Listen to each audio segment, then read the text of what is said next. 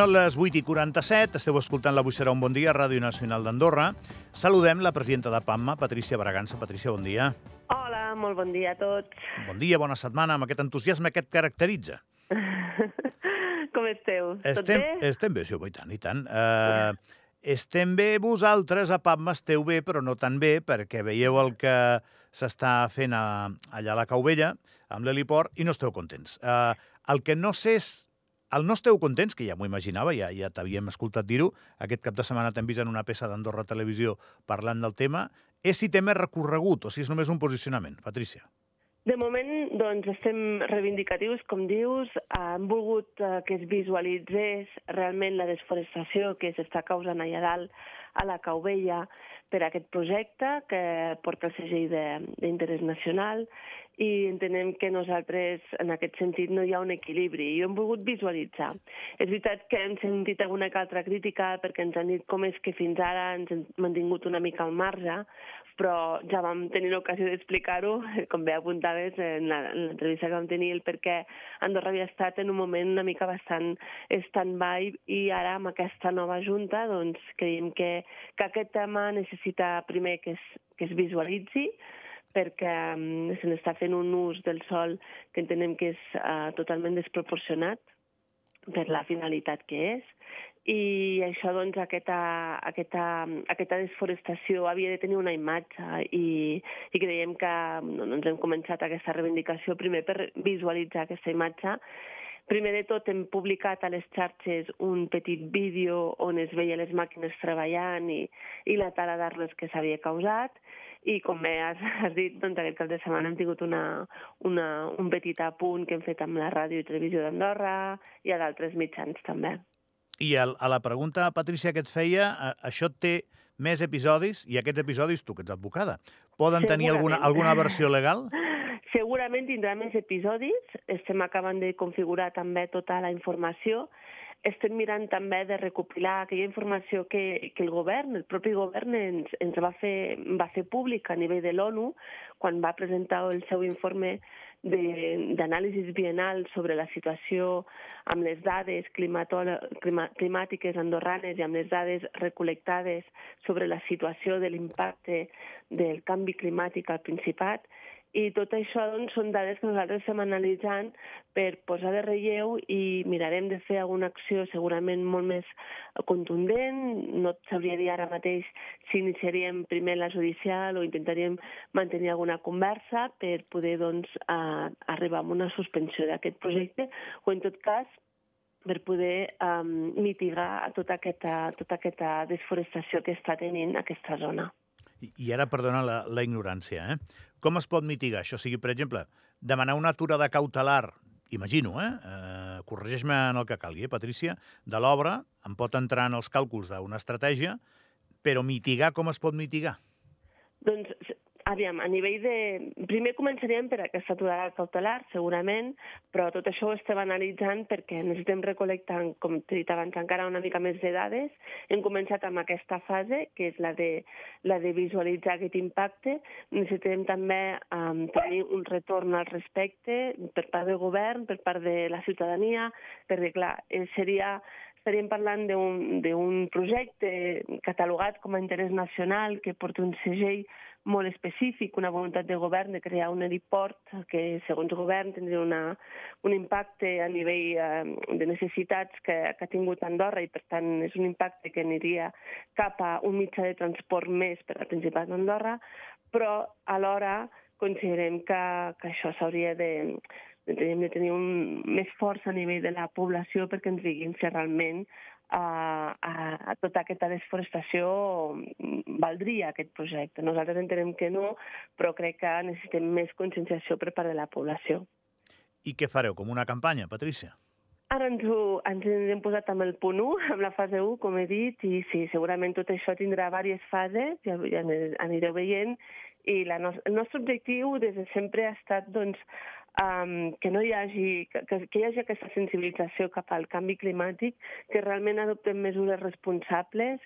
Uh, Andorra té compromisos amb els convenis, eh, amb, amb, ha signat convenis per, per, um, per promoure i per protegir tota, tots els boscos de, que tenim a Andorra. També ha signat convenis per, per poder doncs, eh, controlar l'efecte que pot tenir aquest canvi climàtic al Principat. I tot això doncs, entenem que aquests compromisos, una vegada s'han assumit, doncs, també s'han de complir. I per tant entenem que hem de ser responsables i no podem causar una desforestació com la que està havent ara a la Covella, que no oblidem que són 25.000 metres quadrats de desforestació, equivalent, no sé, uns tres camps i mig aproximadament de futbol. Vull dir, és una, entenem que és una barbaritat. Però, a veure, perquè adopteu l'estratègia d'intentar aturar les obres, què esteu esperant? Un, un dictamen? Eh, saber si teniu possibilitats reals de fer-ho, Patrícia? O sigui, no, no començar el procés? O... Amb, amb l'anàlisi que hem fet, tenim, creiem que tenim possibilitats de fer-ho.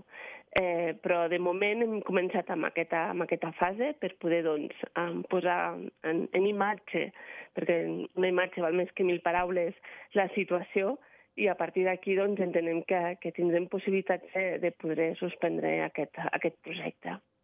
Clar, m'imagino que tu també has de mirar això té uns costos. Eh, sí que és veritat que ets sí, advocada sí, i que igual, sí, sí. igual pots treballar per amor a l'art sent presidenta de PAMMA, però mm. això ho ha de portar algú. Mm. Eh, T'enfrontaries a govern que deu tenir un exèrcit d'advocats. I aquestes coses no són fàcils. Home, a PAMMA històricament no, no com heu pogut veure, um, en aquest uh, sentit, no, sempre que ha cregut que una causa s'havia de portar judicialment, ho ha fet i ho ha pogut fer i ha, i ha assumit el cost i ha pogut portar-ho endavant. En aquest sentit, eh, nosaltres tots aquests aspectes estem analitzant. Eh, encara no podem, tenir, no podem anunciar quina seria la, la fase 2. Evidentment, com, com, he, com sempre he comunicat, últimament tenim un equip de treball que les decisions es prenen també una mica eh, en consens entre tots i aquesta fase no la descartem, però de moment encara no la podem anunciar tampoc. I una última cosa. Ara, mateix t'està escoltant algú que...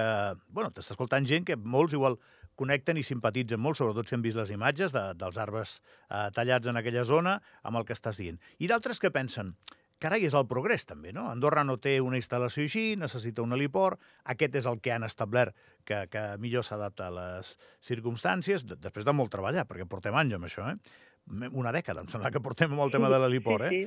eh què, li, què li diries a aquest oient que, que, que diu ja estan aquí els ecologistes que sempre es posen de cul a tot? Com, com li explicaries que, que realment ara toca fer això per responsabilitat? Primer de tot, jo vull posar de relleu que la situació de crisi climàtica fa que qualsevol decisió que, que s'hagi d'adoptar eh, es tingui en compte l'impacte que aquesta pot tenir en el medi natural. I llavors aquí hem de buscar sempre un equilibri entre el progrés i l'impacte. No podem adoptar les mateixes decisions ara amb aquest canvi climàtic que les podem adoptar als anys 70 o 80, anem a dir-ho així, perquè ara tenim un, uns estudis que ens estan doncs, demostrant que el clima està canviant i, i aquest efecte ja és visible al Principat d'Andorra i està reconegut a nivell de l'ONU, està reconegut pel nostre govern, i llavors les decisions s'han de prendre prendre amb més cautela. La decisió del, sobre l'heliport és una decisió que s'ha pres a nivell, mm, a nivell nacional, no? a nivell també governamental. Hem d'apuntar que aquí és una decisió que s'ha pres sense una consulta directa a la població per declarar el que és i el que no és un, un projecte d'interès nacional. En aquest sentit, la llei ho permet, que es pugui adoptar una, una declaració sense haver de fer prèviament un referèndum, però entenem que quan hi ha una declaració d'aquest tipus que et pot saltar mm, totes les lleis, anem a dir-ho així, i, i prendre decisions com podria ser construir en una zona mm, de bosc intens com és la Cauvella i desforestar-la, o fins i tot construir al costat d'un niu de, del riu, totes aquestes decisions doncs, creiem que s'haurien d'haver fet una consulta nacional perquè comporten tenen doncs, uns riscos per, per la natura que són molt importants. I aquest equilibri crec, des del nostre entendre, que s'hauria d'haver consultat a nivell nacional.